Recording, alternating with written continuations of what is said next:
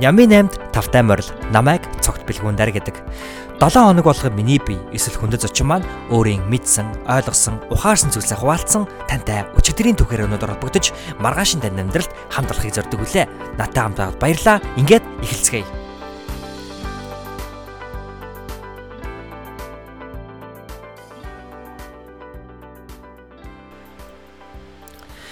Сайн байцгаана сонсогчдоо та бүхэн маань инхүү Нямын 8 подкастын маань 23 дахь дугаарт тавтай морилно.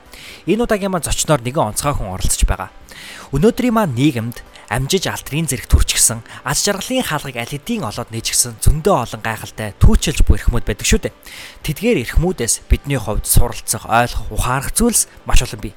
Тэгвэл өнөөдрийн маань зочин тэрхүү тэдгээр хүмүүсээс суралцах боломжийг бий болгож өгдөг гүүр нолсон хүн юм аа.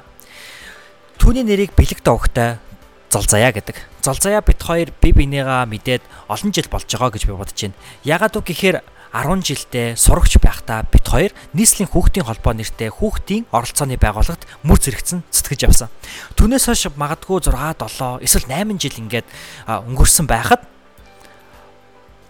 Золзаяа маань өнөөдрийг хүртэл нийгэмд хүртээлтэй, үеийнхээ хүүхэд залуучууд хүртээлтэй үйл ажиллагаануудад оролцсоор санаачилж өөрөө хийсээр яваа нь түүний хамгийн гайхалтай чанар гэж би боддог. Золзаяа маань өөрөө энэ жил их сургуулийн төгсөх анги оюутан. Ирэх зүйч мэрэгжлээ сурч хөдөлмөрлөгийн хажуугаар тэрээр Муис түшгэлсэн Rotaract клубын ерөнхийлөгч гэсэн сонгуульт ажлыг эрхэлдэг байгаа. За тэгээ бид бүхэн золоогоо юугаар маш сайн мэдэх вэ гэхээр альва нийгмийн сайн сайхан үйл ажиллагаануудад үргэлж түүжээлж, манлайлж, сайн дураараа ажиллаж, өөрийнхөө хүч хөдөлмөрөө зориулж явж идэг. Үүнээсээ гадна өөрөө хүртэл санаачилж шин шин гайхалтай төслүүдийг нийгэмдээ хэрэгжүүлдэг нэгэн байгаа. Тэгэхээр энэ олон зүйлсүүдийг нэгэн дор амжуулдаг түүний 7 хоногоо хэрхэн төлөвлөдөг, хэдий завгүй байсан ч гэсэндээ өөртөө хэрхэн цаг гаргадаг, мөн сайн хамтрагчтай болох нь ягаад ямар ч амжилтын хамгийн гол чухал хүчин зүйл байдаг гэх мэтчлэн олон зүйлийн тухай энэ подкаста ярьсан байгаа. Ингээд хэдүүлээ подкаст руугаа үсэрцгээе. За сайн уу золоо. Нямын подкастт маань оролцох урилгыг хүлээж авсанд маш их баярлалаа. Сайн уу бэлгүнээ урилга өгсөнд маш их баярлалаа. Тэглгүй яах вэ? За би юуны өмнө золоогоо манай сонсогч нарт өөрийгөө танилцуулаач ээ гэж хүсэж байна. За бүгдээрээ сайн уу намайг Залзаа гэдэг. Би Шихуудаг сургуулийн иргэн бизнесийн ангийн төгсөх курсын оюутан. Тэгээд одоо Мус Retract гэдэг олон улсын байгууллагын ерөнхийлөгч албан тушаалыг хашдаг 21 настай ийм охин байна. Аа.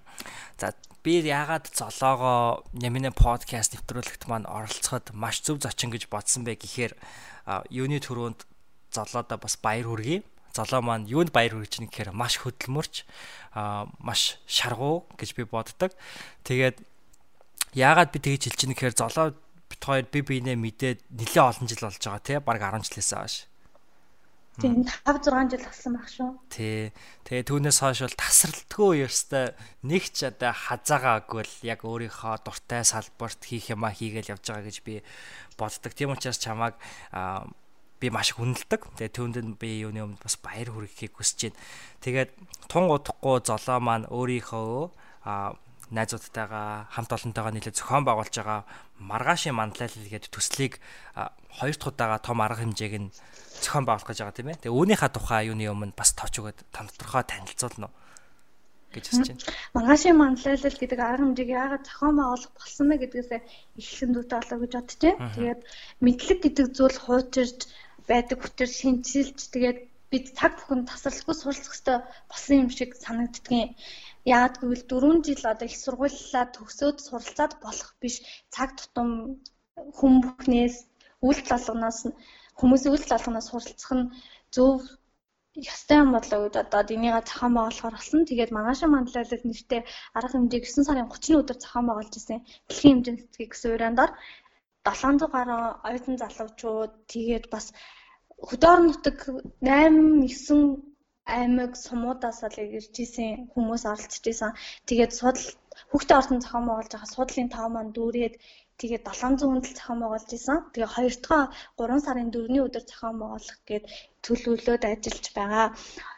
Маргаашийн манлал нэгээсээ хоёр нь юугаар илүү онцлогтой вэ гэхээр хилцүүлэг эцэгч нар тэгээд хувь хүний хөгжил бүтээл бүтээл сэтгэлгээг сайжруулах богино хугацааны сургалт болон сэтгэл зүйн хичээлүүд тэгээд уран зургийн үзэсгэлэн, боловсролын үзэсгэлэн, гадаад тэтгэлтэй суралцах талаар мэдээлэл олгохоор аагаас яа хүртэл нь мэдээлэл олгохоор байгууллагууд бас иж биднэрт мэдээлэл өгнө.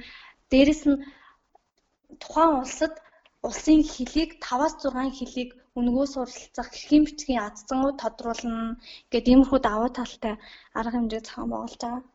Аа 3 сарын 4 гэдэг маань ям гараг байгаа тий дараа 7 хоногийн.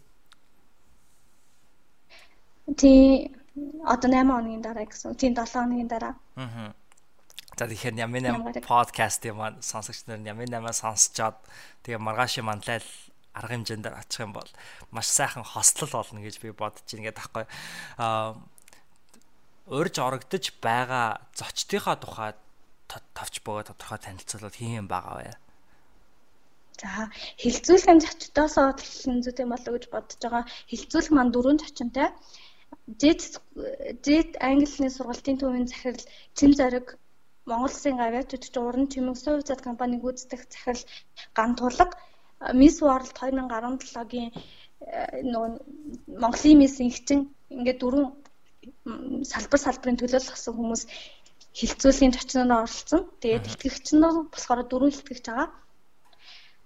Монгол Улсын 21 дэх ерөнхий сайд амар жаргал Дэлхийн банкны зөвлөхийн холоор тэгээд э, номын хилцүүлгийг зохион байгуулдаг манай таймна танаа нөгөө подкастын дугаарт оролцож исэн таймна маань оролцсон илтгэгчээр тэгээ дүрт илтгэгчийг болохоор бид нар ноцолж байгаа. Аа за. Өстой гоё. Аа айгу гоё гоё өөр өөр салбарын төлөөлөл болсон гайхалтай хүмүүс урьж оролцож байгаа юм байна те. Тэгэхээр гайхалтай. Тэгэхээр би сонсож байгаа манай Ямины подкастын маань ихэнх сонсогч нар ялангуяа маш хувь хүний хөгжил, ер нь өөрийгөө яаж илүү хөгжүүлэх үү, яаж зөвхөн болох уу гэдэг тал дээр их төвлөрдөг. Тийм ч учраас чи бит хоёрын яриаг одоо ч гэсэн яриа сонсоод сууж байгаа гэж би бодож байна.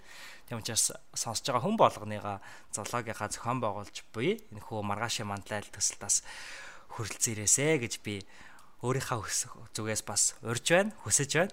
Би тэгээд чаас нэг асуулт асуухыг хүссэн. Хоёулаа нийслэлийн хүүхдийн холбоо гэдэг байгууллагт ажиллаж исэн тийм ээ.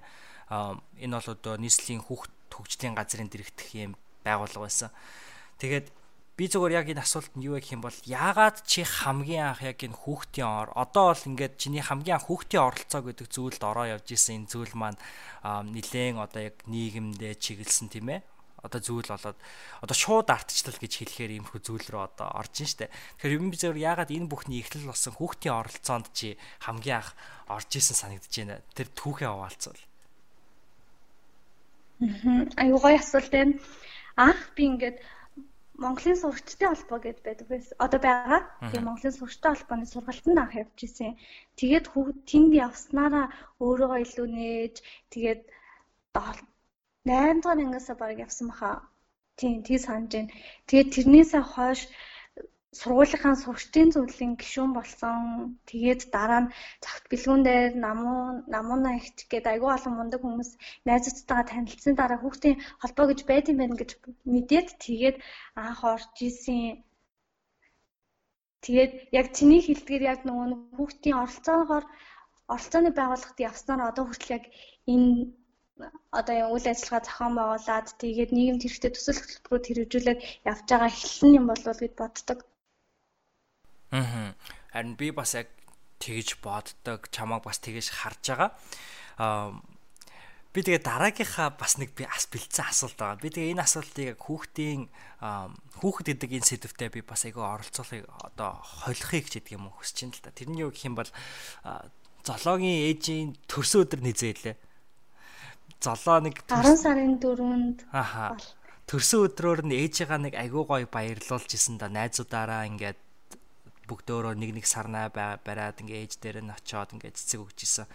Би тэгээд тэрийг тэрийнхаа одоо яагаад ер нь яг тэгэж ээжигаа баярлуулахыг хүссэн бэ гэдэг асуултыг асуухыг айгүй хүссэн.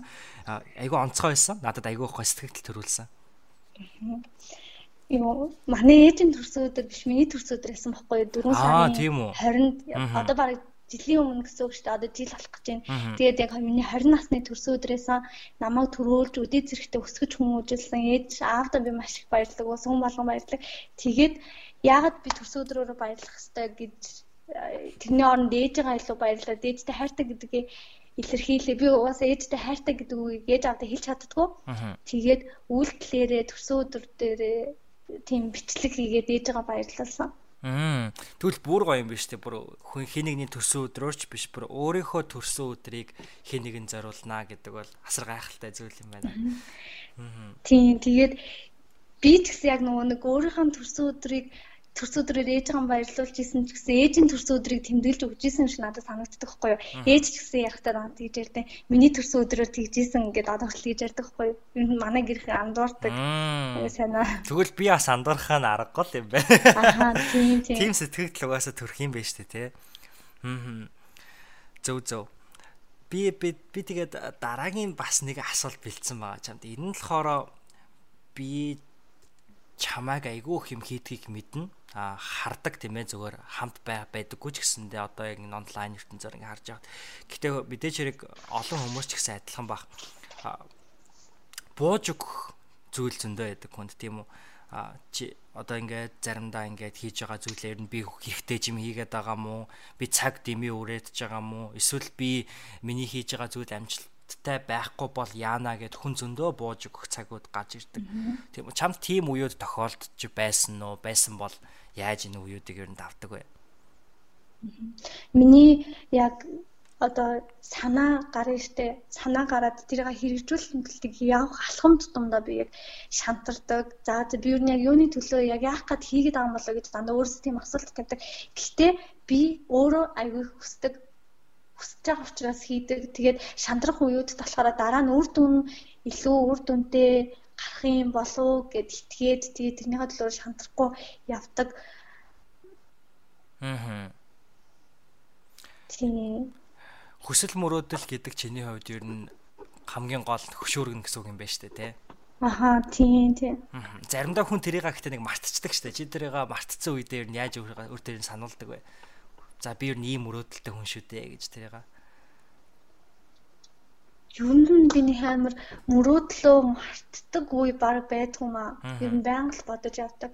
Тийм үү. Аа.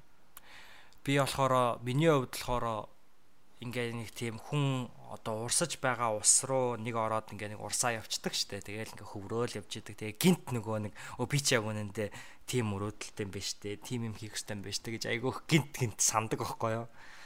Тий. Тэгэхээр хоёулаа тэрэн дээр айгүй ялгаатай байж болох юм байна гэж бодож байна. За үүнээс гадна зоологийн маань хувьд одоо нийгмийнхаа одоо залуучуудыгаа илүү хөгжүүлэх тийм ээ залуучуудыгаа хувь хүн талаас нь илүү хөгжүүлэх олон зүйл хийхээс гадна сайхан сэтгэлийн аян хэд хэд хийсэн гэж би санаад байгаа мөн үү?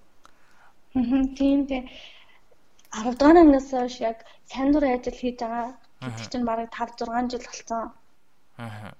Яг ингээ сайн дурын үйл ажиллагаа, сайхан сэтгэлийн аянд оролцоо явж байхад ер нь хамгийн гол авдаг зүйл юу байдаг вэ? Яа тэгэхээр би яагаад н асуудаг асууж ин гэхээр зөндөө олон хүмүүс яг сайн дурын үйл ажиллагаанд орохыг тийм ээ. Тийм хүмүүсээ нийлхийг, нөхөрлөхийг хүсдэг гэвч ер нь яг эцээ эц цаг үрээд байгаа мó яг хэрэгтэй ч юм уу гэж аявих боддог юм шиг санагддаг. Чиний хувьд ер нь хамгийн гол чухал авсан зүйл нь юу байсан бэ?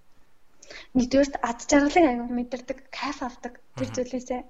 Хоёрдугаарт болохоор олон хүмүүстэй танилцаж авдаг. Гуравдугаарт хийсэн зүйл алганаас суралцдаг. Тэгээд дөрөвдүгээрт болохоор амьдралын ухаанд жоохон ч гэсэн суудаг, суралцдаг юм болов уу гэж боддөө шүү дээ. Аа. Америкийн хувьд болохоор одоо яг англи хэлээр энийг болохоор волонтер гэж хэлдэг те. Тэгээд юугаар болохоор Америкийн хувьд болохоор яг энэ волонтер хүмүүс буюу одоо энэ сайн дурын хүмүүсийн одоо дээд боловсрал ихэвчлэн буюу одоо 50-аас дээш хувь нь дандаа дээд боловсралтай хүмүүс байдаг гэж байгаа байхгүй. Тэгэхээр зэрэг нөгөө айгүй мэдлэгтэй чадвартай хүмүүс нь ер нь бол нэг дор цугладаг гэдэг талаараа хүмүүс айгүй сайн дурын үйл ажиллагаанд ордог гэж юм л да. Тий. Тэгээд чиний хувьд ер нь үүнтэй Монголын хувьд бас адилхан гэж санал нийлэх үү? Аа чи одоо илүү олон хүмүүсээ танилцдаг гэж штэ тий. Тэдгээр хүмүүс нь ер нь чиний амьдралд тийм ээ. Ер нь яг одоо өнөөдрийн золоо гэдэг хүн болоход ер нь яг яаж нөлөөлдөг вэ? Тэгээ бас айгуу гоё асуулт байна. Э, миний хүрээлэл айгуу гоё, би айгуу гоё найзуудтай гэж боддог. Ингээл гадуур халахад явж байхдаа гинт зүгээр л ингээл найзынхаа тухай бодоод найз миний найз надад хийсэн үйлдэлт нь би баярлал гадуур явж байхдаа зүгээр тэнэг хүн шиг инээж минээд тийм үед байдаг хгүй. Тэгээд тэр найзуудаа болохоор яаж хаанаас олж авсан бэ гэвэл сайн дурын ажил хийснээр л бид тэр найзуудаа олж авсан. Бусдын төлөө гэсэн сайхан сэтгэлтэй тийм хүмүүс байдаг. Мм ямар гоё юм. Тэгэхээр наа чи айгүй гоё хариултаа шүү дээ. Сайн дурын ажил хийснээр айгүй гоё найзуудтай олно гэд. За тэгэхээр хоёулаа тэгвэл яг эндээс би 88-ийнхаа 8 асуултын хамгийн ихний асуулт руу орё гэж бодож байна. Яагаад вэ гэхээр чи найзуудтай айгүйх баярлж талархаж тийм ээ тэдгээр хүмүүсийн чамд зориулж хийсэн зүйлүүдийг байнга санаж бодож явдгаа гэж хэлж байна. Аа тэгэхээр хоёулаа ихний асуултыгаа би мэдээж хэрэг мэдж байгаа. 88 маань энэ 7 хоногт юунд хамгийн ихээр талархаж байна вэ гэдэг асуулт байдаг. Тэгээ энэ асуултаар эхлүүлъя гэж бодож байна. За За миний хувьд бол яг ойрын хугацаанд маш их талархаж баярлаж явж байгаа яг хоёр зүйл байгаа. Нэгт нь болохоор би дадлаг хийж байгаа. Тэгээд дадлаг өглөө 8:30-аас би гэрээсээ гараад очсон байх хэвээр. Тэгээд оройн нь 7-оос ер нь уг нь төрийн алба 5:30 гээд тардаг. Гэтэ би 7-оос 9 цагийн хооронд таардаг. Гэрлүүгээ хайрдаг. 9 өнгөрөөд гэртээ ордог. Ороход ээж маань надад халуун хоол цай бэлдээд миний охин өсч нь хоол идэхүү гэж байж идэг. Өглөө хараа 8:30-гээс ажил дээр очсон байхын тулд би өглөө 6:30 гэж сэрэх ёстой болдог. Тэгээд аваа би өглөө 6:30 гэж сэрэх ёстой шүү. Та намайг 6:30 гэж сэрэгээрээ. Би 6:30 гэж сэрэхгүй бол 6:40-гийн намайг сэрэгээрээ. 40-гийн сэрэхгүй бол 7 гэж сэрэгээрээ гэдэг багхгүй юу. Тэгээд манай өвгтэй яванд намайг 8 гэж сэрэгдэг. Тийм. Тэгээд юунд манай өглөө 4 цагт сэрдэг. Тэгээ 4 цагаас хойш ажиллаа хийдэг өдөрт за бараг л 5 цаг унтдаг. Тэгээд өглөө сэрэхэд аав ээж хоёр маань намайг хугатаад тэ нэмслээд миний охин сэрээрээ хичээлдээ яваараа дадлахтаа яваараа гэж сэрээгээ тухагддаг. Аав ээж хоёр байгаад би маш их баярлдаг. Тэрэнд маш их талархаж байгаа. Ягаад энэ зүйл таларх ойрын хугацаанд таларх болсон мэ гэвэл би 50-гийн яг 88-нд орж исэн 50-гийн найз нь чи аав ээж хоёрынхаа юуг ямар зүйлийн юу хийхээр аав цаар чинь юу хийхээс баярлдаг вэ гэсэн асуулт ирсэн шүү дээ. Дайс асуусан гээд тэрийг сонсоод би нэрээ ээж аа хоёр маань намайг юу хийхэд баярлдаг хүмүүс лээ. Биш ээж аа хоёр маань намайг гинэ. Ээж аа хоёр хоёр юу хийхээр баярлдаг гэлээ гэж би өөрөөсөө энэ асуултыг яг асууж исэн байхгүй юу. Тэгээ байжсэн чи яг таймингийн тэр өдөржингөө уулзаад ярилцаад тайминаас энэ асуултыг асуудаг найз нь бас манай найз. Тэгээ бид хоёр уулзсан манай тэр найз маань бас надаас асуусан. Тэгээ за би жоохон бодоод хийгээд үнэхээр би ээж аваа хоёроо юу ихээр баярлдаг, юу ихээр ад жаргалыг мэддэг, юу их туртай гэдгийг юм билээ. Аа. Тийм тэгээд нөлөөсөн зүйл нь таларх нөлөөсөн зүйл нь бол яг энэ тийм учраас яг энэ асуултыг өөрөөсөө асуугаад тэгээд асуух одоо би асуултын хариултыг яг өмнөд олоогүй л байгаа. Аа Тэгээд асуултын хариултыг хайж авах одоо хугацаа хүртэл одоо хүртэл ээж аавдаа одоо харах болгонд маш их талархдаг болж байгаа болсон. Өмнө нь бол нэг тийм зүйлүүдийг нэг анзаардгүй боддггүйсэн. Хоёр дахь зүйл нь болохоор би нэг саяхан нөгөө нэг Малала гэх ном уншижсэн баггүй чи уншсан уу? Уншаагүй. Уншаагүй юу Малала. Тэрийг би уншаад нэг ийм л зүйлийг ойлгосон. Би ямар адтай, ямар гоё их хоронд амьдарч байгаа юм би. Аа. гэж боддог болсон. Малалаг гэх охины амьдралын тухай гарсан тэр номон дээр болохоор тэр эмэгтэй хөлт болохоор суралцах ямар ч боломж байдгүй суралцах ирэх гэж байдгүй. Тэгээд 9 илүү 10 настайгаас нь хүнтэй суулгадаг. Тэгээд хүнтэй суусан бол заавал гэрээсээ гарахдаа тэр нөхөртөг хамт гардаг. Аа. Тэгээд бас нүрээ халахалж явдаг гэрээсээ нөхөртөөгөө хамт гарахгүй ганцаараа гарвал цааз ялаад шийтгүүлдэг тийм амар нийгэмд амьдардаг хөхт байсан бохгүй юу масалаа гэд тэгээд би зүгээр бодохдоо би Монгол орнд төрсөндөө бас Монгол сурч байгаадаа маш их талархаж байгаа. Аа. Тэгээд бэлгүүний хувьд болохоор одоо ингээл 4 жил 5 жил гадаад сурцсан тий. Аа. Тийм хүний нутагт ээж аваасаа хоол Тэгээл хичээлээ хүртэл харийн хил дээр үзнэ гэдэг чинь ингээл бүр игээд аюу хэцүү зүйл штэ. Тэгэхэд яг ээж аав маань надын хажууд байна. Би их орондоо сурж ийн. Тэгээд яг хоо Монгол боловсролын систем үү гэлдэг ч гэсэн ахын аваад хаяхын хаях хэрэгтэй юм болов уу гэж одоо яг тухайн хүнээс өөрөөс нь шалтгаалдаг гэж бодоо яг энэ хоёр зүйл дээр маш талархаж байгаа. Тэгээд талархал гэдэг зүйл нь өөрөө талархаж байгаа зүйлийг маань илүү үнцэнтэй болгодог юм болов уу? Аа. Айгуу гоё хариулт байна би жоохон дали асуулт асууч юм. Чи Малалагийн тухай ярьлаа те. Би хэдийн номын уншааг үзсэндээ Малалагийн тухай айгүйх юу сонсч ирсэн түүхүүдийг нь бас TED Talk энтрийг нь үзчихсэн юм байна. Тэгээд Малала нөгөө талибануудад талибануудаас одоо ингээд зүхтаа те тэгээд ингээд Пакистан ингээд яваад ингэж исэн. Тэгээд ингэж явж явж байхдаа өөрөө бол хиттэй үлээ амар жоохон санагдаад хаа 10 20 та байлоо 19 тэй л ах одоо миний бодлоор. Тэгээд тийм охиноос асар их ингэж зориг гардаг амар сонирхолтой тий. Тэгэхээр чиний хувьд ер нь одоо би бас чамайг айгүй зөрөгтэй охин гэж хардаг байхгүй. Яагаад тэгэхээр зөрөг гэдэг бол одоо юу гэдгийг асж байгаа гал руу ингээ орох биш те. Яг үнэндээ яг чиний түрүүн хэлжсэнээр өөрийнхөө бодож байгаа хүсэл мөрөөдлийг санааг тийм ээ бодит болно гэдэг бол өөрөө амар зөрөг те. Тэгэхээр чиний хувьд одоо зөрөгтэй байхын тулд яг яв юу хийдэг вэ? Ер нь яг зоригтой чамаас гарч байгаа энэ зориг ер нь хаанаас гард юм бэ? гэж л асуухыг хүслээ хүсэж байна. Чи болохоор намайг зоригтой гэж бодож байгаа юм те боддгийм байна те. Аа. Би ер нь бол ямар ч санаагаа бодит зүйл болгож чадж байгаа хүмүүсийг айгүй зоригтой гэж боддог байхгүй юу? Зоригтой гэж боддог. Аа.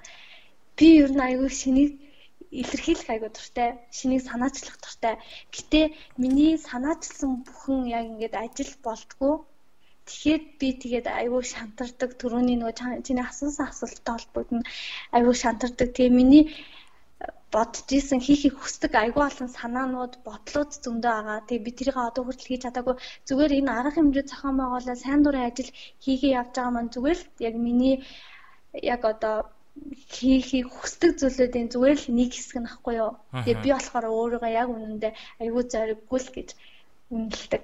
Аа энэ асуулт жоохон бас дахиад жоохон дали асуулт шүү заяа. Би бас зориг гэдгийг бас юундаар харж ийнө гэхээр өнөөдөр чи хоёр сайн мэдж байгаа те. Яг ингээд нийгмийн ажил хийгээд одоо зориг гаргаад өөрсдийнхөө санааг зүйл болгоо ингээд явж хахад айгүй олон хүмүүс энэ айгүй одоо юу гэх том толгойлцсон. Надад тийм зүйл бүр яг хэлжсэн байхгүй хүн. Айгүй хинхэг гээл те одоо юу гэх юм хүмүүсээс анхаарал тийм юм айгүй хүсээд байна гэл айгүйх надад тийм зүйл нэг хүн хоёр хүн ер нь бол хэлжсэн. Тэгээд иймэрхүү зүйлүүдийг ер нь чи чамд одоо ингээд чиний эргэн тойронд байна гэж ер нь чи боддог уу? Хэрвээ боддог бол ер нь иймэрхүү зүйлүүдтэй ер нь одоо яаж одоо хайцдаг вэ ч гэдэг юм уу? Яаж одоо юу гэж боддог вэ ер нь ийм хандлагыг хүмүүст байдаг ийм хандлагыг? Боддог гэхээс илүү яг одоо бол байгаа хгүй яг тийм хандлагууд ям юу яа хичээл дээр ингээд манай ингээм манайхан бол хийдгүй юм. Надад юу нэг тийг санагддаг. Тэгээд би болохоор ингээд сайн дурын ажил юм аа хэмжээнүүдэн дээр ингээд дундуур нь цахаан байгуулаад хичээлээд гэсэн тэрийг ч гэсэн амжуулахыг аягүй хүсдэг. Тэгээд хичээл дээр яг тэрийг клубийнхаа ажил мэжлийг ингээ хийгээ суухаар хүүхдүүд над руу нэг айгуу тийм сонио хавцаар харж байгаа юм шиг зарим ихтэй дэмждэг л дээ. Тэгээ тийм харж байгаа ингээд тийм нүд харцаа над руу хараад идэх хгүй. Тэгээ жоохон санаа зовоол За за би юу нь юу яа дөө хүмүүс аа тэгээ бодоод ах шиг байна энэ амир уус чиний хэлгээр амир хинхэг мэнхэг гээл түгэлдэг яг тэр шиг боддгийм байна гэж бодоод бас жоохон айдаг. Гэтэ тэгж тийм айдас хүмүүс тэгж бодох нь надад ямар ч хамаагүй яагаад гэвэл би туртай зүйлээ хийж байгаа. Тийм тэгж л хариулмаар байна. Аа айгуу гоё хариултаа. Тэгэхээр айгуу сонинтэй ер нь хүмүүс яг тэгээд идэг те. Харин хүмүүс яг тэгээд идэг байхгүй юу? Тэгээд лантан дахин төрөмс байгалан ганц ахлаах нь штэ. Аа олон жилийн өмнө ганц ахлахад бас яг юм хөө э, жишээнүүд аяг толгордог байсан гинэ. Тэгээд одоо болохоор хүмүүс тийм хандлага нь байха болцсон гэ надаа ганц ахлах хэлжсэн байхгүй юу. Тэгээд надад болохоор хаа ингэж байгаад байдсан штэ гэдгсэн чи өө тийм ямар сони би болохоор тийм зүйл хүмүүс тийм хандлага байха болцсон гарха болцсон гэж боддөө штэ гэл бас тэгж илээ. Аа. Гэтэ бас юу яадаг гэж магадгүй нэ мэдээж хэрэг тодорхой яг анх ингээ хүн юм ингээ эхлүүлж яхад тодорхой хэмжээний эсэргүүцэл бол байдаг ганцхлаа ахын хувьд бол одоо хийж байгаа зүйл нь Монголд бол ингээд асар олон одоо маасаараа хүлэн зөвшөөрөгдөд эхэлчихээр яхаа аргагүй бас тэр хүний хувь хувь хүнийх нь хувьд бас тийм хандлага гарч ирдэг байж магадгүй. Одоо хүмүүсийг хүлэн зөвшөөрөөд ирэхээр. Тэгэхээр чивэд хоёрын хувьд бол тоолж гарах зөндөө юм байгаа ах тийм ээ. Хүлэн зөвшөөрөгдөхийн тулд. Мэдээж хэрэг хүлэн зөвшөөрөгдөх гэдэг бол яг үнэндээ айгүй чухал зүйл бол мөн байхгүй юу? Хэдийгээр би одоо хүмүүс таалагдаж хүмүүс одоо хүлэн зөвшөөрөгдмөөргүй байна гэж хэлэх амархан ч гэсэндэ яг үнэндээ одоо хүр хийж байгаа зүйлээ олон хүн төрөхийн тулд хүлэн зөвшөөрөгдөн айгүй чухал зүйл юм болов уу гэж би өөрөө боддгийн. За тэгвэл хоёулаа хоёр дахь асуулт руу орох уу?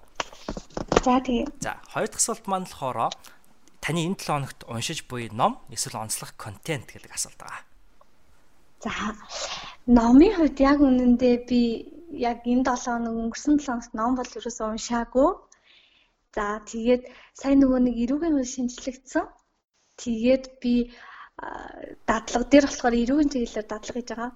Тийм учраас эрүүгийн хуулиа нэлээд сайн судалж уншиж байгаа. Тэгэл хавцас хэрэг энэ төр ингээл үзэн. Тэгэхээр аа энэ хуулийн зүйл залч энэ юм яг эрүүгийн хуулиал амар эргүүлдэг. Уншиж байгаа ном гэвэл яг эрүүгийн хуулиал хэлэх юм байна да. Тэгээ онцлог контент гэвэл би 8 8-ыг айгуух сонсдог. Айгуух урам зориг авдаг. Өө би гадуур алхах амар дуртай алхаж байхдаа дуу сонсдог. Гэтэ одоо дуу сонсоход байлаад Ямин аймаа ер нь сонсдог. Нэг хоёр удаа тавтарч сонсдог. Тим сонсогч нөхгүй юу. Тэгээд ном уншихаасаа илүү их цагийг хэмнэж өгдөг гэж боддог шүү бэлгүүнээ. Тэрэн дээр айгүйх баярлдаг. Би айгүй олон юм сонсож, мэдээж суралцаж авдаг. Аа. Тэгээд бас Андроидын би их ажилтдаг яг бас айгүйх унших туфтай. Аа. Би яг гадуур алхах дуртай гэдэг дээр байна штэ тэ нэг айгу гоё юм хэлмээр санагдлаа. Юу гэхээр түрүү 7 хоногт манай би яг нөгөө видеогийн чиглэлийн хичээлүүд авдаг байхгүй юу? Тэгээ түрүү 7 хоногт манай хичээл дээр одоо энэ Apple Podcasts буюу iTunes чинь ер нь бол одоо яг энэ podcast ертөнцийн хамгийн том толгойн штэ. А түүнийх нь эсрэг одоо нэг зүйлд хэтэрхий их монополчлог өгөхгүй тулд хамгийн одоо хүчтэй гаж ирж байгаа компани нь болохоор Stitcher гэх компани гэдэг. Тэгээ тэр Stitcher гэх компанийг саяхан худалдаад авчихсан нэг толгой одоо удирдахч хүнийх нь хүн нь манай ангид ирж Skype-аар холбогдож бидэртэй ярилцлага хийсэн байхгүй юу. Тэгээд тэр ярилцлагынхаа үеэр биднэрт юу гэж хэлсэн бэ гэхээр подкаст дунджаар нэг хүн одоо подкаст сонсогч дунджаар 7 хоногт 6 цаг сонсдог гинэ. Тэгэхээр 6 цаг сонсно гэдэг нь болохоор нэг подкаст дунджаар нэг 1 цаг байдаг гэж үдвэл үзвэл а 6 одол подкаст сонсдог тий 5-аас 6 подкаст л сонсдог. А тэгэхээр 5-аас 6 подкаст сонсохдоо тэр хүмүүс маань одоо 7 хоног болгон өөр өөр подкаст сонсох биш яг нөгөө сонсдог подкастуудаа ингэж хүлээж байгаа дахиад одоо сонсдог юм л дээ. Тэгэхээр тэр нь болохоор нөгөө подкаст гэдэг контент маань болохоор бусад контентуудаас айгүй их ялгардаг гинэ. Тэгэхээр өнөөдөр чи яг подкаст хийгээд эхлэхээр тэр нөгөө 6 цагт нь л өөрийнхөө подкастыг шингээхийн тулд өсөлтдөг гэдэг ч байгаа байхгүй. Аа тэгэхээр тэр 6 цаг нь хаана одоо өнгөрөөд байна гэхээр дандаа ингээ гадуур алхаж яхад ч юм уу юм хийж яхад ч юм уу ингээ явж идэг. Тэгэхээр би яг нэг чаас нэг юм амар гой асуулт асуумаар нь аа ер нь яг ингээд подкаст сонсоод ингээ явж байхаа чи нэг тийм өөр хүнтэй юм яриад явж байгаа юм шиг тийм мэдрэмж авдаг уу? Авдаг. Тэгээд би бүр хаяа инээ Хаяа аа энэ чинь нэр ийм зүйл байсан юм биш үү? Би ягаад өмнө нь ерөөсө бодож байгаа хүн бол гэ бас өөртөө ярилцах зүйлүүд бас байдаг. Өөрөөсөө яг энэ аа энэ хүн ингэж бодд юм байна. Харин би ингэж боддөө шүү боддөө шүү гэж бас анализ хийдэг. Аа.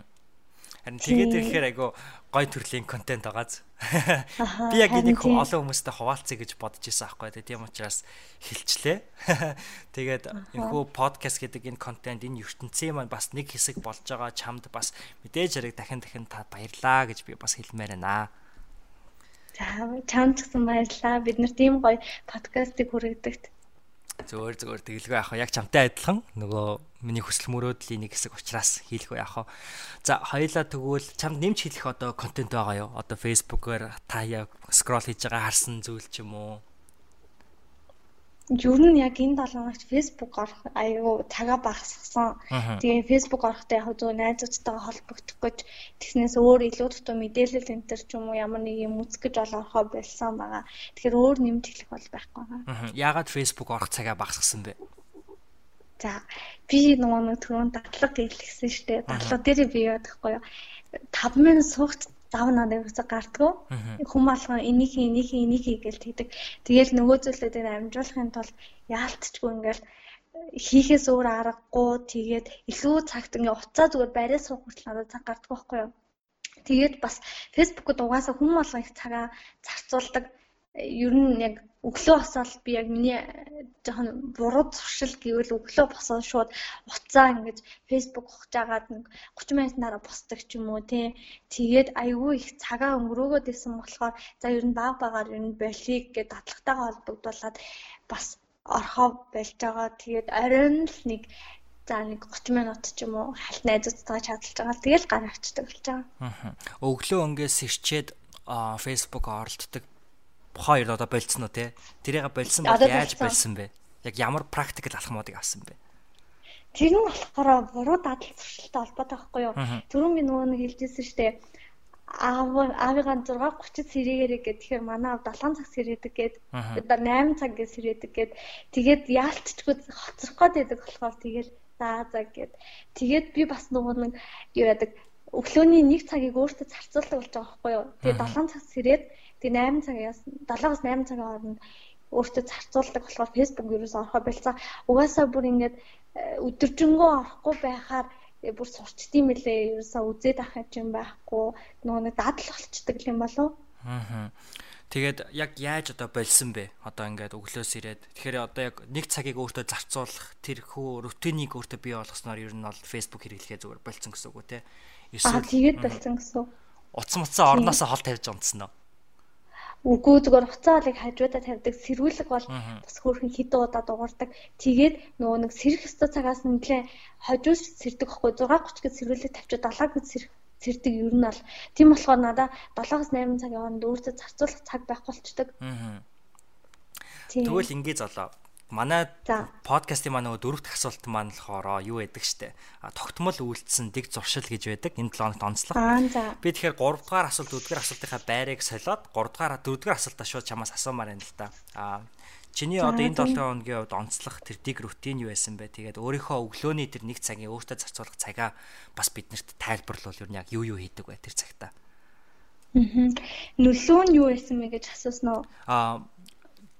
Окей Гэхдээ зүгээр нөлөө нь бас нэрээ зөв гоё асуулт байд. Гэхдээ ер нь зүгээр одоо нэг цаг ясны ач холбогдол нь байсан бэ? Тэгээд гэж асууя. Тэгээд бас яг энэ нэг цагтаа ер нь яг юу юу хийдэг вэ? Аа за.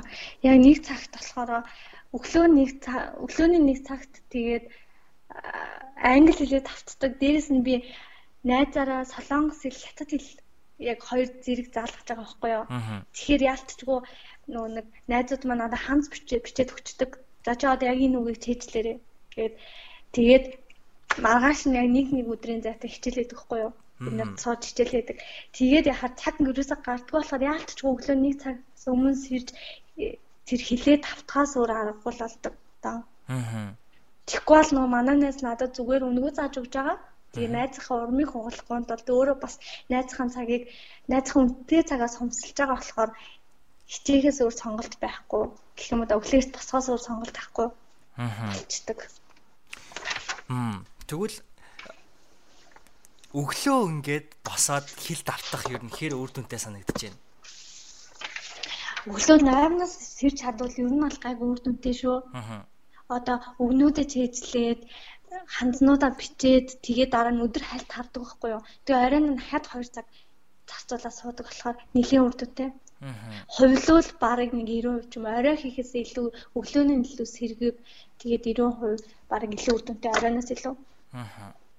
Бас тэгдэг штэ нэг цаг одоо 2 3 цагаар ч юм олон цагаар нэг дор суугаад ингэж давтахын оронд одоо чиний яг одоо чиний жишээ дээр хэлэх юм бол өглөө нэг цаг давтчаа тийм ээ оройн нь 2 цаг ч юм ингээд давтаад өөртөө нөгөө байн байн давтсан зүйлээ сануулахаар хүн илүү ямиг үлдцтэй сурдаг юм л дээ яг судалгаа харахад чи тэндээ санал нийлж гинөө Ахаа санал нийлдэг. Аа.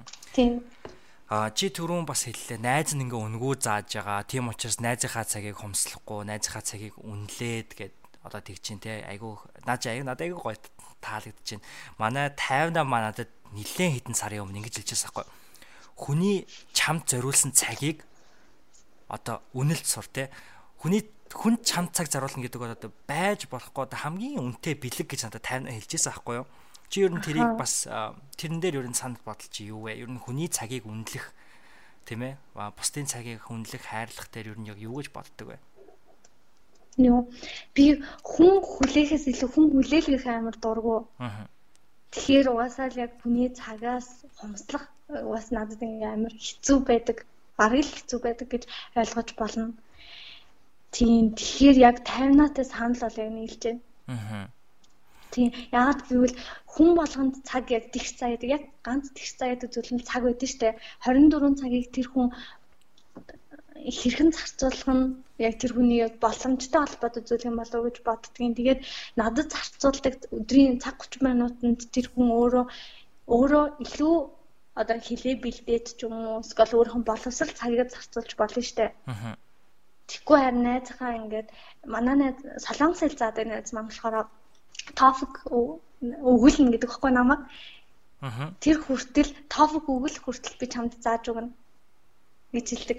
Тэгээд тийм болохоор яг тэр өвөнд нь л амар ач холбогдол өгөөл тэгээд цагийг маш хүндэлдэг. Маш их баярлдаг бас тэр найздаа. Аа айгүй гой жижигхэн зүйлүүд ч гэсэн талархдаг тийм хандлага юм болоо гэж би харж байна. Аа бас англи хэл, хятад хэл, солонгос хэл зэрэг сурж давтж байгаа гэхээр бас гайхалтай шүү. Аа хэцүү байна оо яг ингээ олон хэл нэг зэрэг сурах. Аа юу ахгүй юу? Солонгос хэл нь болохоор би өөрөө амар сонирхолтой. Тэгээд хятад хэл нь бас амар сонирхолтой. Тэгээд англи хэл яалтчгүйгээс хүн болгон сурах ёстой хэлүүдийн нэг болсон болохоор надаа яг хэцүү ч юм уу тиймэрхүү ерөөсө санагдсныхаа дараа найз маань дуудлага хийж өгөхөөр дуудлагыг хийж өгөхөөр би мартцдаг байхгүй. Арай нь тэгээд нөгөө нэг интернетээс дуудлагыг хайж тэр нөгөө нэг одоо үгийг бичиж агаад сонсож интернетийн хичээлээр бас айгүй хичээлийг хийдэг сургалтанд явж мөнгө өрхөөсөө илүү.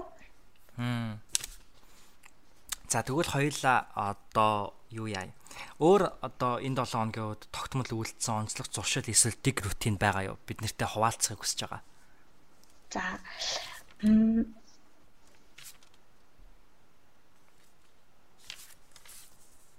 Юу надаа яг өдрийн 24 цаг яг багт хаяа багдсан юм шиг санагддаг юм аа ядаж 26 цаг ч юм уу 27 цаг ч юм уу байдаг байсан бол би илүү их зүйлүүдийг амжилт чадах болов гэж бодоод тэгээд яг 7 хоног өглөө нь ч юм уу эсвэл яг бүтэн сайдар нь хагас бүтэн сайн амралтын өдөр тухайн дараа 7 хоногт хийх ажлуудаа төлөвлөдөг. Аа.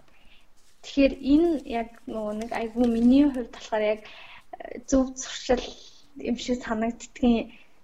Аа. Тийм чи ажлуудаа ингээд төлөвлөхдөө ингээд өдөр болгоноор нэг одоо тэдээс хэдэн цагийн хооронд ийм юм ийм юм гэж төлөвлөдөг үү? Эсвэл зүгээр энэ 7 хоногт ийм ийм зүйл хийлсэн байна гэж төлөвлөдөг үү? Би болохоор нийт өдөр тийм юм хийн, хоёр дахь өдөр тийм юм хийн, гурав дахь өдөр тийм юм хийн гэд игнүүлт бичиж агаад тэгээд толгоонд болохоор яг цагийн төлөвлөгөөгөө дахиндаа хийдэг гэх юм уу да. За за тэдэн цагаас тэдэн цагийн хооронд тийм юм тийм юм ингээд төвтөр дээрээ төлөвлөгөө гаргаж бичдэг нь болохоор яг өдөр өдрөөр нь бичдэг. Аа. За ингээд нэгт өдөр тэгсэн чинь чи ингээ нэг 10 зүйл биччихлээ те. Яг үнэндээ чи тэр 10 зүйлийг амжуулж чадахгүй гэж бодвол ямар үйл ажиллагаа авах вэ? Хам надад хамгийн хэрэгтэй хамгийн үн цэнтэй хамгийн нэгдүгürt хийх зүйлийг нь би сонгож хийдэг. Хамгийн чухлын гэсэн үг шүү дээ. Тийм тэгээд чухлаас нь яг дарааллаад хийдэг. Аа. Зөв зөв. Аа. Тэгээд өөр зуршил гэвэл өглөө болгон нэг сэтгэн айгуу суудаг. Аа. Тийм тэгээд бас түрүүн би нөгөө хэлсэн өглөө нэг цагийг орой 2 цагийг өөртөө зарцуулдаг. Энэ нь бас яг зөв дадал зуршил юм болов уу гэж бодож байгаа. Аа. Оройны рутин. Аа за. Оочлаар оройны оройны Аа би оройны одоо өөртөө зарцуулдаг цагт нь юу яг юу юу хийдэг вэ гэж асуучихсан байхгүй. Аа би нөгөө өнөөдөр хэлсэн өглөөний нэг цагт нь болохоор хилээд тавтаад тэгээд өдөр нь ахиж цаг гаруул хардаг. Тэгээ оройн нь ахиад тавтдаг. Аа. Тийм тогтмол тавтдаг гэсэн үг. Аа. Тэгэхгүй бол нөгөө нэг хэл сурахад тогтмол тавтахгүй яг ингээ мартчихдаг юм шиг санагдаад заавал тогтмол тавтсах. Тавтдаг да. Тэгэхээр яг өөртөө заруулж байгаа тэр цаг одоо тэр цагууд нь ер нь бол яг хилээд тавтах дээр л хамгийн гол анхаарал нь ирдэг юм байна тийм үү те? Ахаа тийм. Аа. Зөв зөв. Тэгээд бас нэр өглөө босох дээр нэг юм хэлчих үү? За.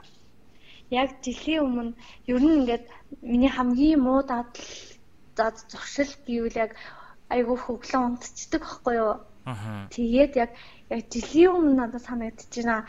Тогтоо бэлгүүний аги таарийн аги таарийн хийсэн нэг нөгөө өглөөний хүн болох гэд нэг тийм бичлэг байсан шүү дээ. Аа. Би тэрийг тэрэн дээр нэг зүйлийг амар боддог аахгүй юу? Сонсоод одоо хүртэл боддог. Бараг өглөө болгон боддог. Нөгөө нэг өглөөний хоолоо бэлдээд хөргөчөндөө хийх хэрэгтэй гэх нэг тийм юм ярьжсэн шүү дээ. Аа тэр бүр яг ингээд өглөө сэрч чадахгүй бол аа нэр гой хоолоо идэн штэ гэд яг тэгж бодож өглөө сэрдэг. Тэгээ энэ дээр би бас айгүйх баярлдаг шүү та хоёрт. Тийм үү ямар сонирхолтой юм айгүй гоё дээр үе юм ярьлаа шүү. Тэснэ амар сонир хоолтой холбоотой юм бас өглөө босч байгаа. Тэр ихтэй өнөө өнөө яалтчгүй нэг нэх гоё юм байхаар гоё гэдэг шүү. Харин тийм үлээ.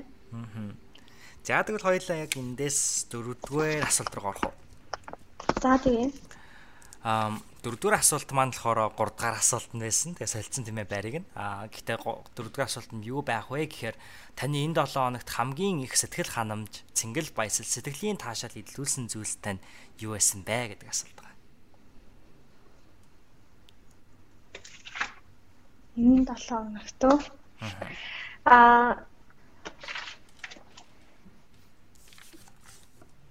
юу яадаг би одоо ингээд нөгөө түрүү маргаашаа манлал гэдэг арга хэмжээ зохион байгуулж байгаа гэсэн. Дээрээс нь клубийн ажил, тэгээд дадлага, тэгээд улсын шалгалтанда бас бэлтэж байгаадад сарын дараа манай улсын шалгалт эхэлнэ. Тэгэхээр ингээд өдөрт аюул олон цаг надаа олон ажил амжуулах хэрэгтэй болдог. Тэгээд яагаад ч амжтгүй. Тэгээд тэрэнд маань яг тусалдаг яг сайн хамтрагч байдаг болохоор би олон ажлуудаа амжуулж байдаг. Тэгээд сайн хамтрагчтай болохоор би бүр хамгийн их асуулт нэгжсэн найзуудаагаа бодоод ингээд баярлаж явдаг гэдгийгсэн штэ. Тэгээд сайн хамтрагчтай болохоор ингээд тэрнээс ингээд амар сэтгэл ханамж айгу кафе мэдрээд байдаг штэ. Аа. Тийм тэгээд би бас 10 дугаар ангиас сайн дурын ажил хийсэн. Тэгээд тэрнээс бас айгүй хад жаргал кафег мэдэрч авдаг. Аа. Сайн хамтрагчийг яаж олох вэ? Өөрөө сайн хамтрагч байх хэрэгтэй юм болов гэж боддөө шүү дээ. Тэр хүндээ өөрөө илүү сайн хамтрагч байх хэрэгтэй. Тэгжээ сайн хамтрагчтай болох хаа. Аа. Сайн хамтрагч чиний өөр нэг хэн бэ? Чиний хамгийн сайн хамтрагч. Манай клубийнхан. Аа. Одоо ингээд сайн хамтрагч гэхээр чиний бодлоор ер нь яг яг одоо хамтрагч гэхээр яг яг яг яг юу хийхийг хэлэх үү одоо? Тий, одоо яг та хоёрын та хэдийн тийм ээ эцсийн зорилго энэ бүх зүйл нь юу нэг юу байдаг вэ? Чиний хувьд тань чиний одоо хүрээллийн хувьд эцсийн зорилго нь нийгэмдээ хэрэгтэй зүйлийг хийх. Одоо энэ жишээ сайн дурын байгууллага ажиллаж байгаа залуучууд нь болохоор нийгэмдээ хэрэгтэй зүйлийг л хийх нь яг эцсийн зорилго нь. Тэгээд дээрэс нь өөрийгөө хөгжүүлэх нь бас эцсийн зорилго нь болоо гэж бодож байна. Тэгээд угаасаа би нөгөө нэг бүр бас яг чиний ихний асуултад бас яг холбогдох юм байна. Юу сайн дурын ажил хийхин давуу тал гээд тэгээд сайн дурын ажил хийснээр сайн хамтагчтай болж чадна л гэж бас хэлмээр байна. Аа. Зөө зөө айгуу гоё хариултаа нэ ойрын үед айгуух би айгуух хамтрагчийн тухай айгуух бодоод байгаа. Тэгээд хамтар яагаад бодоод байгаа гэхээр сониноос манай Яминэн подкаст маань нэрээс олж байгаа. Тэгээд Сэхэтэн подкаст болж өөрчлөгдөх гэж байгаа. Тэгээд Сэхэтэн подкаст нэрийнхаа доор Ямин 8 гэсэн контентоос гадна манай нөгөө 50-гийн маань book review подкаст болж хөрөх гэж байгаа байхгүй юу. Тэгээд бит хоёр яг тэр тгөө төсөл дээр ер нь л одоо ажиллаа явж байгаа. Тэгэхээр нэг төрлийн бас бит хоёр яг яг хамтрагч нар нь бол мөн. Гэхдээ одоо илүү тийм төсөлдөө бас хамтрагч болох гэж байгаа учраас ягаад ч юм ойрд айгүй хамтрагчийн тухай хүмүүс ойр ойрд яриад ах юм. Тэ. Тэгээ хамтрагч гэдэг угаасаа чиний ажлыг хоёр дахин баг нугалж өгч байгаа хүнийг л хэлэх бах тий. Аа сүүлийн подкастн дээр ч гэсэн болормагч мань хэлжсэн хүн ганцаар юм хийвэл хэсэх нь л одоо зүйлийг хийж чадна гэж яг хэлжсэн аахгүй юу. Тэгээ би яг тэрийг хүү ичлэлийг нь ч гэсэндээ подкастынхаа гарчиг нь болоод өгцөн. Тэгээд би яагаад гарчиг нь болж өгсөн бэ гэхээр өөртөө бас яг сануулах гэж яг энэ зүйлийг хүн өөрөө ганцаараа явбал айгүй хэсэг юм хийж чадна олуулаа явбал их зүйлд хүрч чадна гэдгийг өөрөө сануулах гэж бас тэгж гарч хэлсэн юм байна. Аа тий. За өөр сэтгэл ханамж цэнгэл идэлүүлсэн дурдах зүйл байна? Аа юу юм бэ л та? Зүгээр ингээд бодох нэ. Одоо арга хэмжээгээ зохион байгуулах жаа штэ. Анх бол яг тэр зүгээр одоо манай найзууд бидний санаа исэн санаа маань ингээ хэрэгжээд нэгтгээ зохион байгуулаад амжилттай зохион байгуулсан. Хоёрдугаар одоо ингээ зохион байгуулах гэж яг энэ зүйлээсээ л бас л яг сэтгэл ханамжийг авсан авч байгаа гэж хэлмээр байна. Ер нь одоо яг ингээ энгийн санааг тийм ээ зүйл олгож хуурахын тулд би энэ асуултыг өмнө асуусан болмоо гэжсэн. Чиний хувьд хамгийн чухал зүйл нь юу вэ? Өөрөө дуртай хийх хүссэн зүйлийг олвол тэгээ тэрийг зүйл олгож ямар нэгэн бодиттой ажил болгож чадах л ах та. Аа. Тэгэхээр нэг тийм би бол яг тэгж бодож байна. Аа. Хүсэл мөрөөдөлтөйгөө нэг тийм сүнслэг харьцаатай байх хэрэгтэй шиг байгаа те. Зүгээр ингээд тэр нь болохоор энгийн за би нэг хийн гэд хийх зүйл биш. Айгуу тийм өөрийнхөө дотоод сүнснийхаа нэг хэсгийг тэр зүйлдээ ингээ өгчөж байгаа юм шиг. Тэгээ тэгснэр тэр зүйл ингээ ам орж байгаа юм шиг. Надад тийг санагд. Чан тийг санагддаг. Би нэг ер нь тэгж бодож байгаагүй байна. Аа Миний хувьд болохоор айгүй тийм сүнслэг ч гэдэг юм уу spiritual гэдэг чинь англиар тийм зүйлүүд айгүй хитэгдэг юм болон холбоотой байд юм болоо гэж хитэгдэг учраас яг тэгж бодоод байдаг аахгүй юу. Тийм. За тэгвэл хоёулаа эндээсээ 5 дахь асуулт руу оръё гэж бодож байна. 5 дахь асуулт маань таны энэ 7 хоногт хамгийн чухал нөлөөг хэн бас яаж үзүүлсэн бэ гэдэг асуулт байна.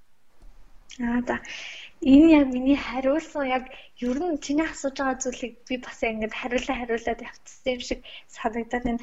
Аа энэ асуултанд дээр би нөгөө нэг 50-гийн подкастыг 50 таарын нөгөө подкастыг уншиж хагаад 50-гийн найз нь 50-аас асуулт асуусан гэсэн штэ. Асуусан найз нь таарын яг асуулт хариулт надад хамгийн их нөлөөлөд би одоо магадгүй яг миний хэлэх гээд байгаа зүйлийг ээж маань сонсож байгаа байх. Тэгээд би боломжийг ашиглаад гэдэг шиг ээжтэй нэг үг хэлчихөө. Тэгэлгүй яах вэ? За э, би ингээд нөгөө нэг уг нь ээж автаа хайртай баярлаа гэдэг үг байн хэлэх ёстой гэж боддгийн. Гэтэ царайг нь харахаар бол ерөөсө хэлж чаддгүй. Ягаад ч юм хичээд ч юм болоо санаа зовоод ч юм болоо тэгээд ээжтэй маш их баярлаа, маш их хайртай шүү гэж хэлмээр байна. Саяхан манаа хөдөө яваад айгаа удаан хугацаагаар явсан юм аа. Тэгээд тухайн үед аавыгаа айгуу санаал орондоо айгуу хуйлдаг байсан. Бид ороо дүүтэй ахгүй юу. Тэгээд өн ойлно гэдэг яагаад санаад ойлно гэхээр дүүмаа сонсоод яхаа нөгөө шоолно л та. Тэгээд аав айгуу удаан хугацааны дараа гэртээ ирээд тэгээд халуун нүдэд би бүр Google авчиж би өмнө ингээд аавыг хол мал явах нэрс тэгдгээс ахгүй тэгэл гүйчтэл аа би таны маш их сонсон шүү гэл тэргээл хасан чи аа ингээд нүдэндээ лэмсэлэн цаа аа тэгээд цаа цаа цаа глэр тийж байгаа хгүй тэгээд аавда бас маш хайртай шүү. Ээж энийг яг угаасаа сонсож байгаа ах тэгээд аавд хайртай гэдэг үгийг дамжуулаад хэлээд өгөөрэй. Тэгээд энийг сонсож байгаа хүмүүс болохоор хандаж хэлэхэд ээж аавда биш тий ээж аавда маш их баярлж хайр хайртай гэдэг зүйл хайртай гэдгийг хэлж байгаарэ дараа хизээ нэгэн цагт харамсахгүй тулд Аа залгаа хэлсэн чинь чи согтоо байгаа мөн энэ гэдэг яг хаа. Тийм тийм хоёр бас болоод байдаг тий. Тийм би гэтээ ерөөсөө тэгж хэлж байгаагүй л дээ. Бүр ерөөсөө хэлж байгаагүй. Тэгээд тийм болохоор ээжтэй ээж угаас сонсно гэдэгт би ямар ихтэй байна. Ээж бүхэл зүйлийг манд дэмждэг. Тэгээд чиний асуусан хариулт болохоор яг Нямин амиг сонсоод яг хамгийн их чухал нөлөө надад үзүүлсэн яг тэрнээс би яг тэр таймгийн хэлсэн үгийг сонсоод одоо хүртэл би яг ээж аавынхаа туртай зүйлийг бодсоор байгаа гэж хэлсэн штэ. Аа. Бараг би өдөр алган ээж аав хоёрыг харах болгонд өнөөдөр би ингээд арга хэмжээ зохион байгуулаад сайн дурын ажил хийгээд явж байгаа. Миний туртай зүйл ээж аав хоёр маань үргэлж дэмждэг. Гэтэл би ээж аав хоёрыгаа юу туртай гэдгийг мэддэггүй, хий туртай зүйлийг хийлгэж чадахгүй байгаагаа аягүй харамсдаг. Тийм. Тэгэхээр тэр амар их нөлөөлсөн. Би бүр аягүй болгоныг бодоолаа. Тийм. Тэгэхээр 50-аа маань тэр нөлөөг үзүүлснээс гадна бас 50-аад яг тэр тэрийг сануулсан тэр найз нь тийм ээ бас чиний найз. Би бас хин гэдгийг мэдчихэж байгаа. Тэгэхээр ингээд айгүй сонирн байгаа зүг. Айгүй хол одоо өөр айгүй ингээ бид ингээ хоорондоо айгүй холбоотой юм шиг яаж явж байгаа тэр хүний асуулт өнөөдөр энэ нэвтрүүлгээр дамжаад чамд хүрээд магадгүй нэг сонсож байгаа олон хүнд бас тэгэж нөлөөлсөн байх гэж би бодож байна. Тэр бас ингээл тэдүүлээ бас нилээ ингэж цаагаараа далдуураа холбогдоод нэг нэгэндээ ямар нэгэн хичээлийг зааж идэг те. Аа. Би тэгээ бавуугийн тавх сурунгаа нэг хэлсэн үг байдаг. Хайр аниргуу гэж. Тэгээд чамаг ээжтэй аавда яг ингээд зүрхлээд яг нүдээс нь харж байгаа ч гэдэг юм уу хайртай гэж хэлж чадаагүй хэлж амжаагүй явж байгаа ч гэсэндэ яг бавуугийн лавсрангуай хэлж ирснээр хайр үнэхээр аниргүй учраас чи арай хэлж амжаагүй байгаа болоо гэж би бас бодож байна. Тийм байж магадгүй л тийм. Яагаад гэхээр би ч гэсэн яг үнэндээ хэлж чаддгүй. Гэтэ сүүлийн үед надад нэг гоё дадал гарч ирээд байгаа нь юу гэхээр ээж ээжтэйгээ ярьчаад за за ээж өдрийг сайхан өнгөрүүлээрэ хайртай шүү гэд ингээд хэлээд байдаг болцсон байх лээ. Аа. Ээж чинь тэгэд яг анх хэлэхэд бол яаж хүлээж авч ирсэн бэ? Гайгүй байсан. Гэтэ би яг айгүй сандээ. Яагаад би хайртай шүү гэж ингэж хэл сурсан кермиг маа найз өхнөөс олсон аахгүй. Би яг найз өхөндөө айгүйх нөгөө за нэр өдрийг сайхан өнгөрүүлээрэ хайртай шүү гэдэг ингэ хол цаа үерхэлд байхдаа тэгэж хэлдэг байсан. Тэгээд манай найз өхөн ирсний дараа би эргээгээ яг тэр үгийг ээждээ хэлдэг болсон байгаа байхгүй юу. Тэгээд манай ээж би бүр хамгийн анх яг тэгж хэлэхэд ээж инээгээд за үнсий гэж хэлж ирсэн айгүй сандээ. Тий. Аавда хэлжсэн үү? Аавда мессежээр л хэлжсэн.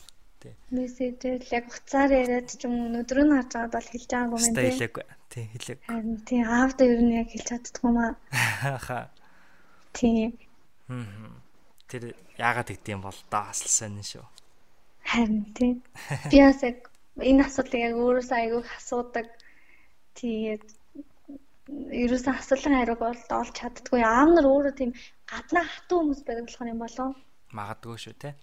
Тийм, дотроо битүү айгүй юм. Гэтэ бас нэг тийм ихтгэл биднэрт байдаг те. За угаасаа намайг хайртай гэдгийг мэдж байгаа шүү дээ. Мэдж байгаа юм чинь. Тийм. За тэгвэл хоёулаа эндээс 6 дахь асуулт руу орох уу? За тэгээ. 6 дахь асуулт маань болохоор та өнгөрч буй 7 хоногт юунд илүү бага цагийг, юунд илүү их цагийг зарцуулсан болоосаа гэж бодож байна вэ? Гэдэг асуулт байгаа. За би нөгөө нэг төрөлжсөн чинь хүн болгонд нөгөө л нэг фэйсбүүкэд аягүй цагийг зарцуулдаг. Тэгээд эндээ болохоор их цагийг зарцуулдаг байж байгаад одоо болохоор бага цагийг зарцуулдаг болсон. Энэ нь яг угаасаа давуу тал тэ дадал зөв дадал тэгээд яг тэгж нэгдүгээр яг тэр фэйсбүүкийг бол бодож जैन. Тэгээ хоёрдугаарт би нэг юу яжсэн маа. Нэг анх удаа хүнтэй үерхэж үзээд Тэгээд бид хоёр болохоор холын цаг ирэхлээр үерхдэгс ахгүй юу. Тэгээд одоо л салцсан л та. Тийм. Тэгээд 2 жил гаруй ирэхжсэн. Тэгээд хол хоёлаа. Тэгээд одоо зүгээр бодохдоо тэрэнд баг цаг тэрэнд аягүй цаг зарцуулсан болохоор тэрэнд баг цаг зарцуулаад сурахтаа илүү их зарцуулж исэн бол гэд амар харамсдаг. Аа. Тийм бүр зүгээр өдөр тутам баг үйл залган дээр харамсдаг хайрын цаг хугацаа. Аа. Энэ харамсал одоо ингээд чамд мэдээж хэрэг ямар ч асуудлыг шийдэх хамгийн ихний гарц нь яг өөрийнхөө асуудлыг олж таних байдаг те. Тэгэхээр нэг замынхаа хагасыг туулцсан. Тэгэхээр замынхаа хагасыг туулцсан байж тээ. Өөрийнхөө буруу одоо цаг хугацаагаа өөр хэрэггүй зүйлд ч гэдэг юм уу, буруу хөрөнгө оруулалт хийсэн ч гэдэг юм уу. Эсвэл тэгээгүй байсан болоосаа гэж бодож байна. Тэгвэл одоо чи яг ямар алхмуудыг авч байгаа вэ? Энэ ахаа алдаа. Ямар алхмуудыг Алдаагаа ямар алхмууд авч байгаа вэ? Тий, энэ алдаагаа засахын тулд яг ямар алхмуудыг авч байгаа вэ? Аха. Юу л юм бэ да? Одоо л ерөөсөө тийм яг миний нэгдүгээр зүйл нь бол сурах тэгээд өөрхөн дуртай зүйлийг хийх дуртай зүйл нь нөгөө л нэг сайн дурын ажил энэ дэрийг хийх. Тэгээд тийм болохоор тэрийг хийгээд өөр угаасаа би нөгөө нэг түрүүн фэйсбүүкэд зарцуулах цагаа багасгах багасгах гэж багасгацсан. Тэгээд угаасаа тийм найз залуугүй болцсон. Тийм болохоор тийх юм бараг байхгүй юм шиг санагдаад байгаа. Аа. Тэгээд аа бас нөгөө нэг төлөвлөгөө амар сайн гаргах хэрэгтэй юм болов. Аа.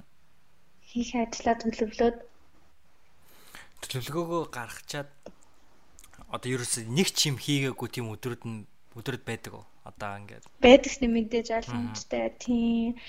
Тэгээд тэр үдэд яадаг вэ гэж юу? Дараа нь ажиллаа яадаг вэ гэж юу? Тий. Ааха. Дараагийнх нь өдөр нь яг дараагийнх нь өдрийнх нь ажилтаа өмнөх өдрийнх нь хийгээгүй ажил хоёр ингээд олон ажилтаа олчих штэ. Тэгэхээр аль нь чухал вэ гэж бодоод тэр хайдаг дээ. Аа.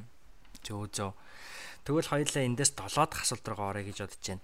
Аа 7 дахь асуулт маань болохоор дараа 7 хоногийн өөртөө захиж хэлэх үгс гэдэг юм асуулт байгаа. Өөртөө юу гэж захиж хэлэх вэ? Өөртөө баг залхуураарэ, залхуурл гэдгийг мартаарэ.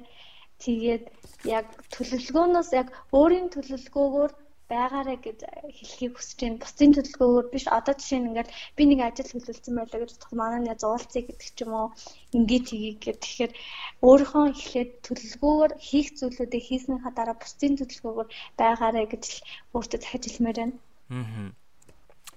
Аа. Чи одоо яг илүү сурахтаа цагийг зарцуулахыг хүсэж байна. Ер нь тэгж хичээж байгаа гэдэг чинь ер нь яг яагаад вэ?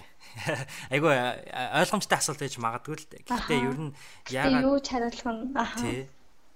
За яагаад вэ гэхээр м зөв энэ асуултыг сонссон чинь нөгөө л нэг би нэг 2 жил гарны хугацаагаа алдсан гэсэн штэ. Тэрнтэй холбоотой юм болов магадгүй би тэр 2 жилийн өмнө илүү сурахтаа анхаарч ирсэн бол би өнөөдөр арай өөр зүйлд анхаарч байсан бодолтой юм уу. Гэтэ нөгөө нэг бас яг би хэлжсэн чинь мэдлэг гэдэг зүйл одоо хуучирч байна. Тийм учраас үргэлж цаг тутамдаа суралцах хэрэгтэй гэд тийм болохоор яалтчгүй хиний инээс хоцрохгүй бол сурахтаа боловсралтай анхаарах хэрэгтэй. Аа. гэж би бодож байна. Би чамаас нэг асуулт асууж гоо. За. За, чи болохоор яагаад одоо боловсралд илүү цагийг зарцуулна гэж бодож байна. Боловсрал гэж асуухаар яг одоо наа чи айгу гоё л асуулт та хүмүүс нөгөө боловсрал гэхээр дээд боловсрал гэдэг ч юм уу яг тэр өнцгөөс нь хардаг штэ тий. Тэгээд хамгийн анх яг нөгөө миний санаачилсан сэхэтэнгээ төсөл болохоор яг наад асуултан дээр чинь л ер нь бол үндэслэсэн юм байгаа. Тэгээд боловсрал гэхээр ер нь яг юу юм бэ те гэдэг асуулт амар чухал байгаа байхгүй юу. Тэгэхээр өнөөдөр боловсрал гэхээр заавал дээд сургуульд яваад одоо диплом авахыг боловсрал гэдэг байгаа мó? Эсвэл одоо өөрчлөлт хийлээд байгаа мó гэх тээ. Тэгээд энэ бол нэлээд бас өлег болсон асуулт байж магадгүй айгүй хүмүүс ингэж ярьдаг. Тэгээ зөв миний бодлоор бол дээд боловсрал гэдэг бол хувь хүний хөгжлийн хувьд дээд боловсрал гэдэг бол угаасаа яалтчгүй байх ёстой зүйлийн нэг нь бол мөн. А гэхдээ optional буюу заавал бас одоо дээд боловсрал бол эзэмших шаардлагагүй. А тэгэхээр яг одоо эцсийн зорилго буюу ер нь эцсийн эцэст хүн яг юунд хүрэх гээд байгаа гэдэг зүйлээ тодорхойлсон цагт үнэхээр одоо дээд боловсрал эзэмших хэрэгтэй юугүй гэдгээд одоо хүн тодорхойлох одоо шийдэх нь зөв баг. За тэгээд миний хувьд бол ялчгүй миний мөрөөдөл миний хүсэл зорилгын хувьд бол дээд боловсрал шаардлагатай зүйл байгаа байхгүй. За тэгэхээр дээд боловсролын хувьд тийм юм байна. А хоёр дахь нөгөө миний хамгийн илүү баг дээд боловсрлоос илүү ач холбогдол өгдөг зүйл нь юу гэх юм бол зүгээр л яг хувь хүний боловсрал.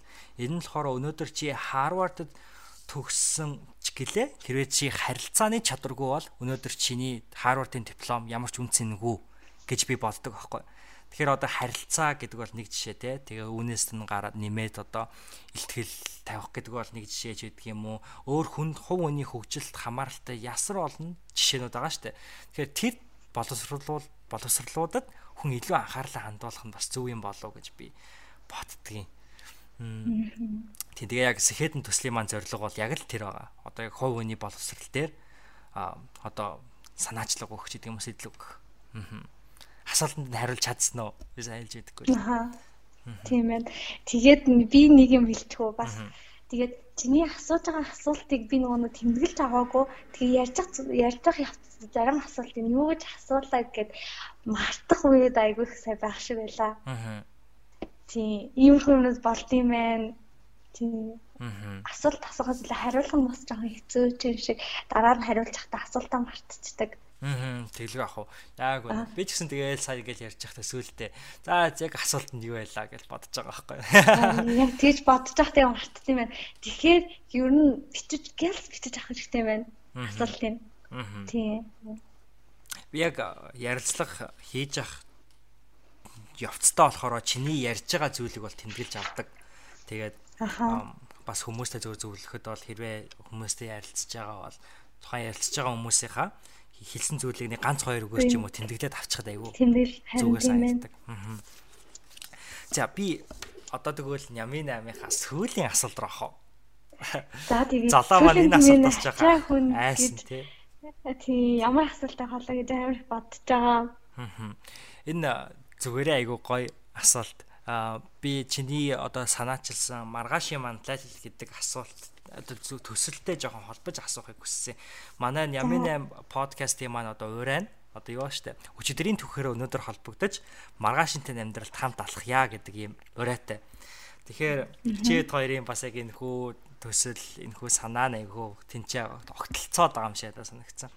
Чиний тий чиний бодлоор энэ 7 хоногийн чинь түүх маргаашийн буюу одоо шинэ 7 хоногийн манлайлалт чинь ямар амжилтыг ямар ухаарлыг авчирч байна гэж чи бодож байна одоо энэ 7 хоногийн миний алдаанууд би алдаагаа ухаарад дараа 7 хоногт би маргааш гэхүүдээ хийх байгаа зүйлдээ а инженер би ингэж алдчихсан юм чинь сургамжаа яаж яг маргаашийн манлайлахад хэрэгтэй юм болов гэж боддгийн штэ.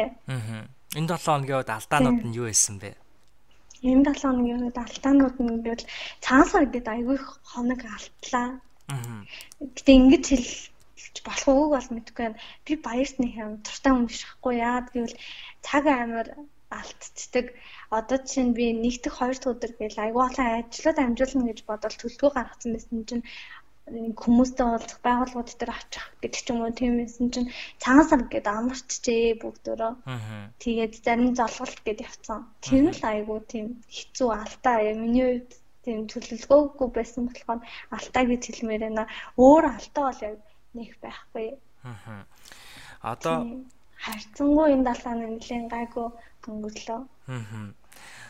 Баяр цагаан сар гэдэг одоо зүйл тийм. Ер нь бол одоо баяр цагаан сар гэдэг зүйлийг хэрвээ гадны хүчин зүйл гэж ойлгоод аа чиний хувьд бол одоо чи захирах боломжгүй тийм ээ. Өөрчлөх боломжгүй ийм зүйл хүчин зүйл гэж ойлгох юм бол чи ер нь яг юу хийдэг вэ? Чамд одоо чиний одоо хүслээр тэр зүйл угаасаа өөрчлөгдөх боломжгүй учраас чи энэ тохиолдолд өөрийнхөө төлөвлөгөөг яаж одоо өөрийнхөө төлөвлөгөөнд тийм ээ за одоо маргааш би өө би ч уулын дараа 7 хоногт за одоо болдоотой уулзна гэж бодсон. Гэсэн чи болдоо цагаан сар гэж болдоо цагаан сар гэж явцсан тий.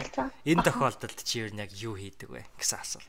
Аа энэ яг сая би түрүүлсэн яг энэ 7 хоногт яг ийм хүзүүлээд амар их болсон. Тэгэл амар урам хугараал тэгэл яг дараагийнхаа төлөвлөгөөнийхөө яг одоо маргаашийнх нь ч юм яг тэр өдөр болдоод уулзахаас илүү арай бага юу хийх зүйл арай бага чухал зүйл гэх юм уу тэрийг амжуулаад тэгээ скол маргаашхаа ажлуудыг амжуулаад явсан да.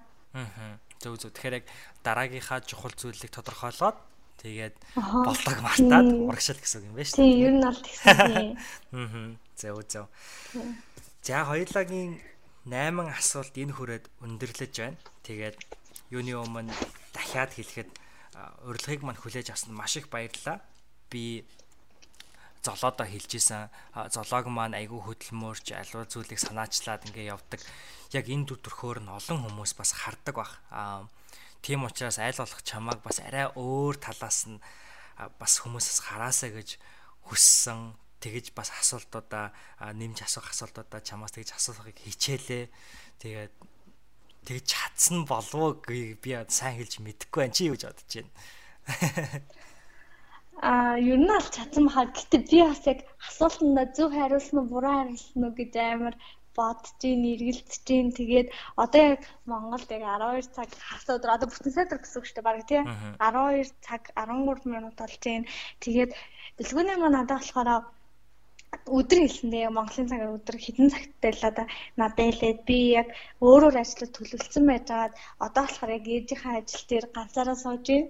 Тэгээд гэртээ яг ингээд бэлгүүнээтэйгээ ярилцах гэхэд гэртээ амар их шуугантай жоохон хүмүүс их байсан болохоор ээжийнхээ ажиллажсан ганцаараа байж байна.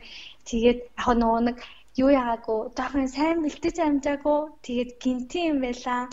Тэгээд урьж оролцуулсанд маш их баярлалаа. Би бэлгүүнийг өнөөдөр өдөр над руу ингэж бичнэ гэж ерөөсөө бүр ерөөсөө бодоочгүй тийм би угаасаа айгүй сонсох дуртай бэлгүүнийхэн подкастыг гэтээ оролцсон өөр асуултанд нь хариу асуултанд хариулна гэж ерөөсө бодож байгаагүй болохоор урлаг хүлээж аваад маш их баярлсан. Тэгээд найзынхаа ажил ажилт нь төсөлт нь цаашдынх нь яг подкаст нь одоо таймтай хийх бүх ажлуудад нь амжилт хүсье. Өөртөө хүсдэг бүх зүйл сайн сайхан зүйлийг найздаа хүсье л гэж хэлмээр байна да. Мм ямар гоё юм бэ. Манай тайван яг тэгж хэлдэг те өөртөө хүсэх хамгийн сайн сайхан зүйлийг чамд хүсье. Тийм. За маш их баярлалаа. Чамд ч бас хамгийн сайн сайхан бүхнийг хүсье. Тэгээд шүн хүртэл надтай ингээ ярилцаж суугаад урилгыг нь хүлээж аваад өөрийнхөө цаг төлөвлөгөөнд өөрчлөлт оруулсанд маш их баярлалаа. Маш их нэвтрүүлгийг маань бас хөндлөсөн их том хөндлөл гэж би харж байгаа шүү. Тэгээд дараа 7 хоногийн ям гарах зохион байгуулах гэж байгаа маргаашийн мандлайлал арга хэмжээнд нь хамгийн дээдийн бас амжилтыг хүсье. Чамайг маш гайхалтай зохион байгуулнаа гэж бол туйлын ихтгэлтэй. За маш их баярлалаа. За маш их баярлалаа золоо.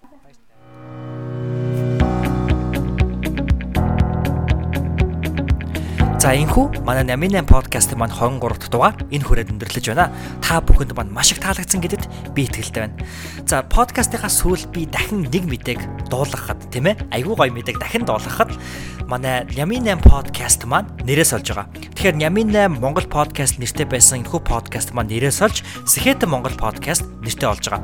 Тэгэхээр Нямин 8 гэдэг энэхүү санаа энэхүү концепт маань өөрөө Сэхэтэн төслийн хүрээнд бий болсон зүйл. Тэгэхээр өнөөдөр бид нэр Сэхэтэн подкаст гэдэг нэрийн доор Нямин 8 подкаста хүрэх гэж байгаа юм. Ингиж платформоо өргөжүүлснээр бидэрт ямар боломжийг олгож байгаа гэхээр мэдээж их хэрэг өөрсдийн контентуудаа баяжуулах. Тэгэхээр хамгийн анхны баяжуулалт буюу Сэхэтэн подкаст, Сэхэтэн платформоор дамжуулан хүргэх Нямын намаас гаднах тийм ээ контент маань юу вэ гэхээр манай тайван андын маань book review буюу номын хэлэлцүүлэг байгаа. Тэгэхээр тайвантай хамт онлайн номын хэлэлцүүлгийн 31 дугаар та бүхэнд подкаст байдлаар Сэхэтэн подкастаар хүрэхэд бэлэн болоод байгаа юм а. Тий, айгу гоё мэдээ байгааз та бүхэнд маань айгуух таалагдж байгаа гэж итгэж байна. Тэгээ хэдүүлээ дараа дараагийнхаа гайхалтай контентуудаар Сэхэтэ подкастаараа дамжуулан уулзцгаая. Баярлалаа. Баяртай.